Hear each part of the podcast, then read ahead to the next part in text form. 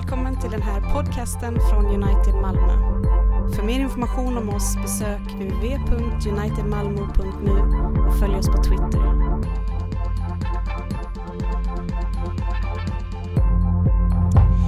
Vi lyssnar till denna söndagens gammaltestamentliga text från tredje Moseboken kapitel 19, vers 1-2 och 13-18. Herren talade till Mose. Säg till Israels hela menighet, ni ska vara heliga, ty jag, Herren, er Gud, är helig. Du ska inte tilltvinga dig något av din nästa eller beröva honom något. Du ska inte hålla inne arbetarens lön över natten. Du ska inte förbanna en döv och inte lägga något i vägen för en blind så att han faller. Du ska frukta din Gud. Jag är Herren. Ni ska inte handla orätt när ni dömer. Du ska varken gynna den fattiga eller ta parti för den rike. Rättvist ska du döma din landsman. Du ska inte gå med förtal bland dina bröder och du ska inte stå din nästa efter livet. Jag är Herren. Du ska inte bära agg mot din landsman utan tillrättavisa honom så att du inte för hans skull drar skuld över dig.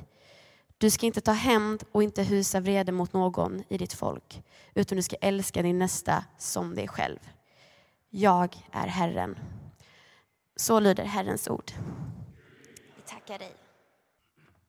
Och så lyssnar vi till denna söndagens episteltext ifrån första Petrusbrevet kapitel 1, vers 13 till 16. Var beredda att bryta upp och håll er vakna. Sätt allt ert hopp till den nåd som kommer er till del när Jesus Kristus uppenbaras. Ni är lydnadens barn. Låt er inte styras av det begär som behärskade er medan ni ännu var okunniga. Lev ett alltigenom heligt liv, liksom han som har kallat er är helig. Det står ju skrivet, ni ska vara heliga, ty jag är helig. Så lyder Herrens ord. Upplyft era hjärtan till Gud och hör dagens heliga evangelium enligt evangelisten Matteus. Jesus sa, jag säger er att om inte er rättfärdighet överträffar de skriftlärdas och fariseernas så kommer ni inte in i himmelriket. Ni har hört att det blev sagt till fäderna, du ska inte dräpa, den som dräper undgår inte sin dom. Men jag säger er, den som blir vred på sin broder undgår inte sin dom. Och den som okvädar sin broder undgår inte att ställas inför rådet. Och den som förbannar honom undgår inte helvetets eld. Om du bär fram din gåva till offeraltaret och där kommer ihåg att din broder har något otalt med dig, så låt din gåva ligga framför altaret och gå först och försona dig med honom. Kom sen tillbaka och bär fram din gåva. Skynda dig att komma överens med din motpart medan ni ännu är på väg, så att han inte överlämnar dig åt domaren och domaren lämnar dig åt vakten och du sätts i fängelse. Sannerligen, du slipper inte ut förrän du har betalt till sista öret. Så lyder det heliga evangeliet. Lovad vare du, Kristus. Ni ska vara heliga, ty jag är helig, stod det i första Petrusbrevstexten. Eh, det är den jag ska uppehålla mig mest vid. Jag vet inte vad du får för vibbar, känslor, associationer när du hör de här orden som helig, helgon, helighet. Går ni igång på det? Smakar det gott? Eller? Det var en riktig helig typ. Är det ett positivt eller negativt eh, omnämnande om en person? Personligen så har jag lite så här, eh, en kluvet förhållande till liksom de där begreppen. Alltså, jag ser framför mig oftast när man säger så här, ett helgon, då ser jag framför mig en lätt eller svårt utmärglad person som sitter i en grotta och sover lite, äter lite, ber mycket och allmänt sträng mot sig själv och andra. Det är liksom ett helgon. Och då känner jag inte att jag inte riktigt går igång på det. Hur är det med er? Och när vi tänker på att leva ett alltigenom heligt liv så är det oftast de där bitarna vi tittar på. Va? Alltså hur mycket bibel läser man, hur mycket böner ber man och hur mycket fastor gör man och hur mycket liksom askes går man in för i livet. Texten säger att vi ska leva heligt eftersom Gud själv är helig. Och det är som jag pratat om många gånger i den här predikstolen, sådan far, sådan son. Man blir som den Gud man tror på. Så den som lever fylld av den helige Ande kommer att börja utveckla helighet. Så då kommer ju den här intressanta frågan. Så vad innebär det då att leva ett heligt liv? Är ni taggade nu? Är ni, är värmeslag allihopa så man märker det här. Och det är intressant att fundera på, för Petrus i sin text om att vi ska vara heliga hänvisar tillbaka till den gammaltestamentliga texten eh, som vi läste också. Och jag tänkte vi skulle läsa den igen, för den visar på vad ett heligt liv faktiskt innebär för oss. Så ni får en upprepning här. Säg till Israels hela menighet. Ni ska vara heliga, ty jag, Herren er Gud, är helig. Och så kommer det. Vad innebär det? Du ska inte tilltvinga dig något av din nästa eller beröva honom något. Du ska inte hålla inne arbetarens lön över natten. Du ska inte förbanna en döv och inte lägga något i vägen för en blind så att han faller. Du ska frukta din Gud. Jag är Herren. Ni ska inte handla orätt när ni dömer. Du ska varken gynna den fattige eller ta parti för den rike. Rättvist ska du döma din landsman. Du ska inte gå med förtal bland dina bröder och du ska inte stå din nästa efter livet. Jag är Herren.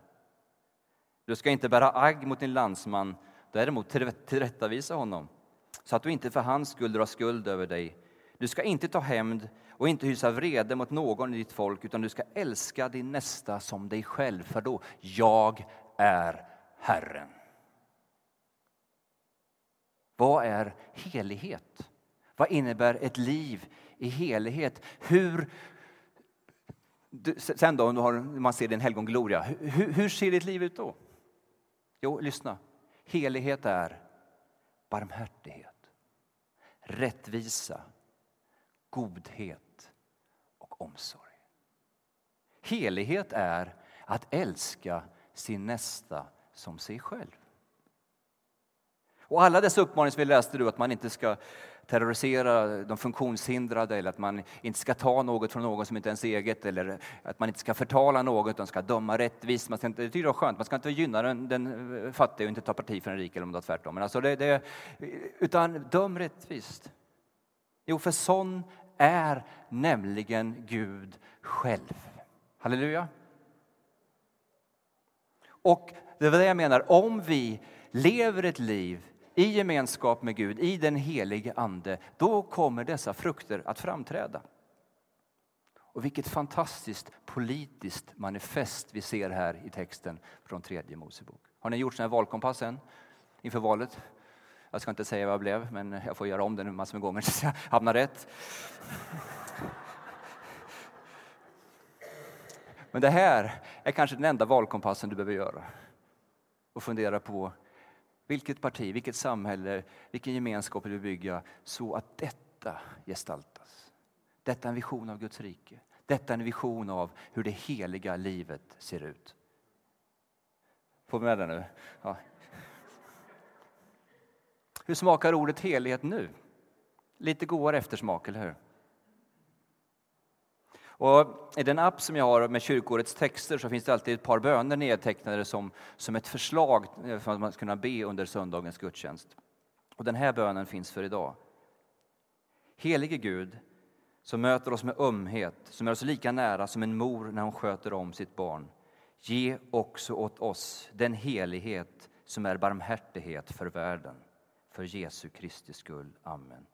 Ge också åt oss den helighet som är barmhärtighet för världen. Många gånger har vi liksom definierat heliga personer, de är avståndstagande från världen, de är dömande mot världen, de är lite över alla andra. Men den helighet som Gud vill prägla oss med är barmhärtighet för världen.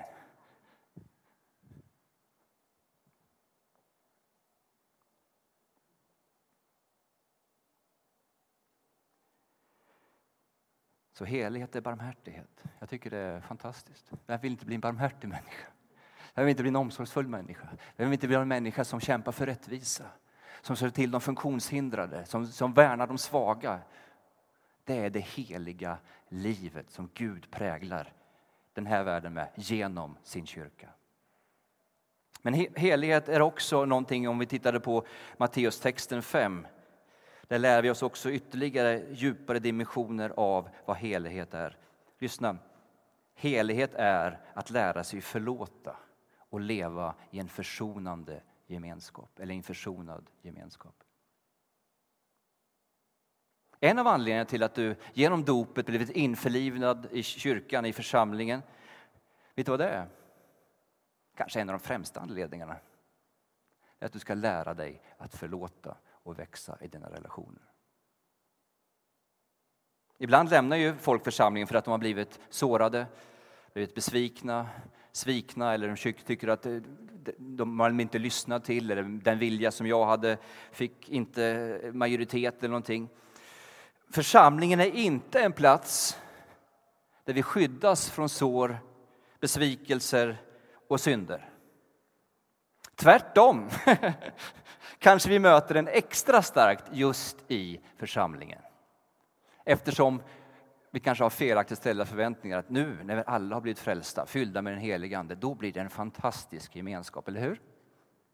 Har ni träffat på sådana gemenskaper som är så fantastiskt härliga, fantastiskt underbara hela tiden? Nej, där du märker när du kommer och införlivas genom dopet i Kristi kropp, det är att där möter du synden.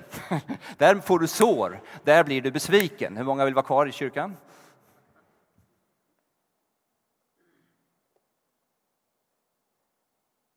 Jag har gjort pastor i 30 år. Jag vet inte hur många samtal man haft med att jag tänker lämna nu. Varför det? Jag blev så sårad här. Vad ska du ta vägen då? då? Nästa kyrka, vilka består de medlemmarna av? Jo, syndare. Församlingen är ingen plats för de perfekta eller för de färdiga utan för sårade syndare som behöver läkas. Och det sker genom försoningen. Och, och, Gud har satt dig här i United Öresundskyrkan eller i, i Roseniekyrkan i Stockholm eller nu kommer jag inte ihåg var du är präst någonstans. Eh, men, men eh, i de där kyrkorna. Varför det? För att vi ska stöta och blöta och skava mot varandra så att vi växer i att leva som en försonad gemenskap.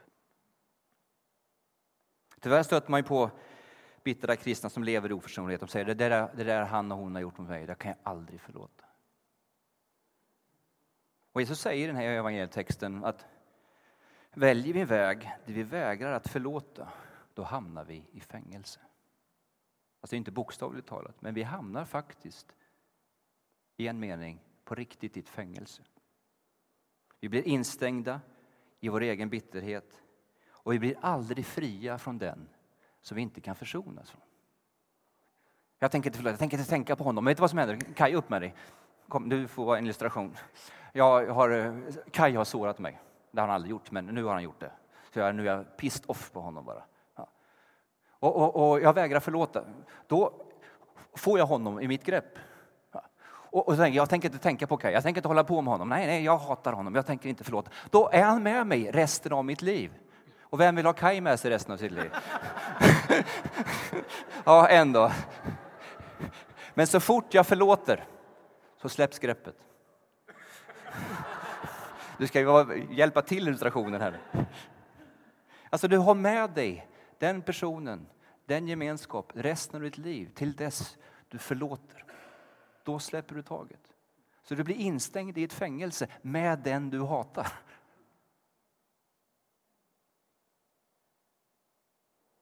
Enda vägen att bli fri och slippa fångenskapen är att välja att förlåta.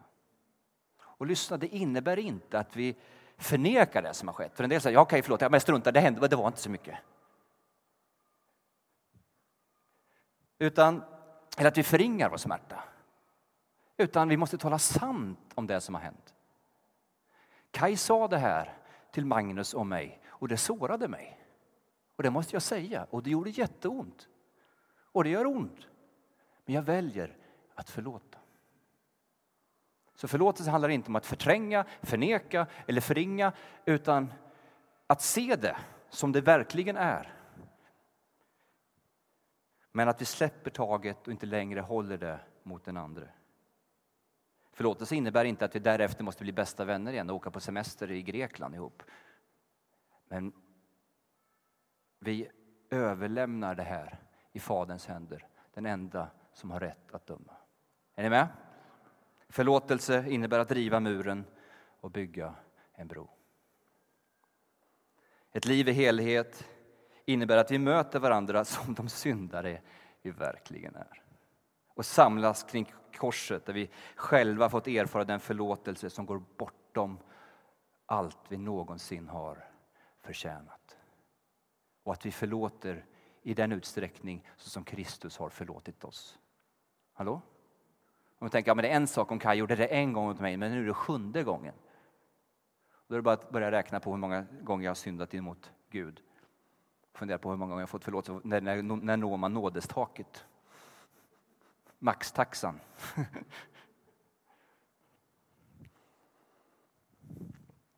Så detta är vad ett liv i helhet innebär. Barmhärtighet för världen. Att lära sig leva i en försonande gemenskap. Vi växer i kärlek och förlåtelse och i barmhärtighet. Så det finns ett antal uppmaningar i, i, i eh, första Petrusbrevet. Den första var så, lev heligt. Ett alltigenom heligt liv. Den andra punkten, det blir en kort predikan här. Den andra punkten står så här. Sätt allt ert hopp till den nåd som kommer till del när Jesus Kristus uppenbaras. Uppmaningen att leva heligt är just för att världen ska få uppleva barmhärtighet. Det är inte för Guds skull han uppmanar oss att leva heligt. Luther sa ju, som jag sagt många gånger, att Gud behöver inte dina goda gärningar, men nästan behöver dem. Så att, så, att, så att strävan efter ett heligt liv, det är ju inte för att samla meritpoäng. Det, det, vår livsstil ger inga meritpoäng i frälsningsarbetet. Utan det är för nästans skull. Och det var en gammal munk som hade levt hela sitt liv i klostret i England. Arbetat hårt på sin helgelse. Varit noga med allting. Och så på ålderns höst så faller han i en grov, grov synd och blir så förtvivlad och sitter med sin biktfader och funderar, jag som kämpat så hårt, hur kunde det här hända? Och biktfadern, vis, erfaren, ledde honom fram och lyste på Guds nåd. Och så säger biktfadern, ditt syndafall blev din räddning. Det var först då han insåg att allt hopp kan vi bara ställa till Guds nåd inte till vad vi gör, hur vi lever, hur vi agerar.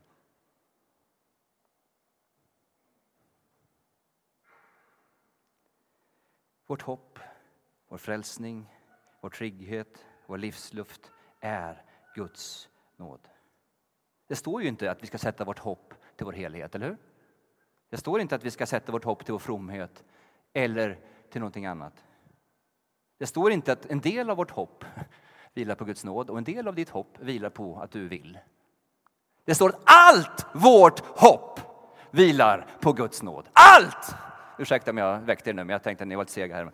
Allt! Allt vårt hopp! Vad innebär det? Ja, det är bara att allt vårt hopp vilar på Guds nåd. Det är därför det är så underbart i samma, samma stycke. Va? Lev heligt, se till nu, ge inte efter för era begär. Och vad, vad ska vi förtrösta på? Allt ert hopp, sätt allt ert hopp till den nåd som kommer uppenbaras när Jesus Kristus kommer. Det var värt ett halleluja ändå.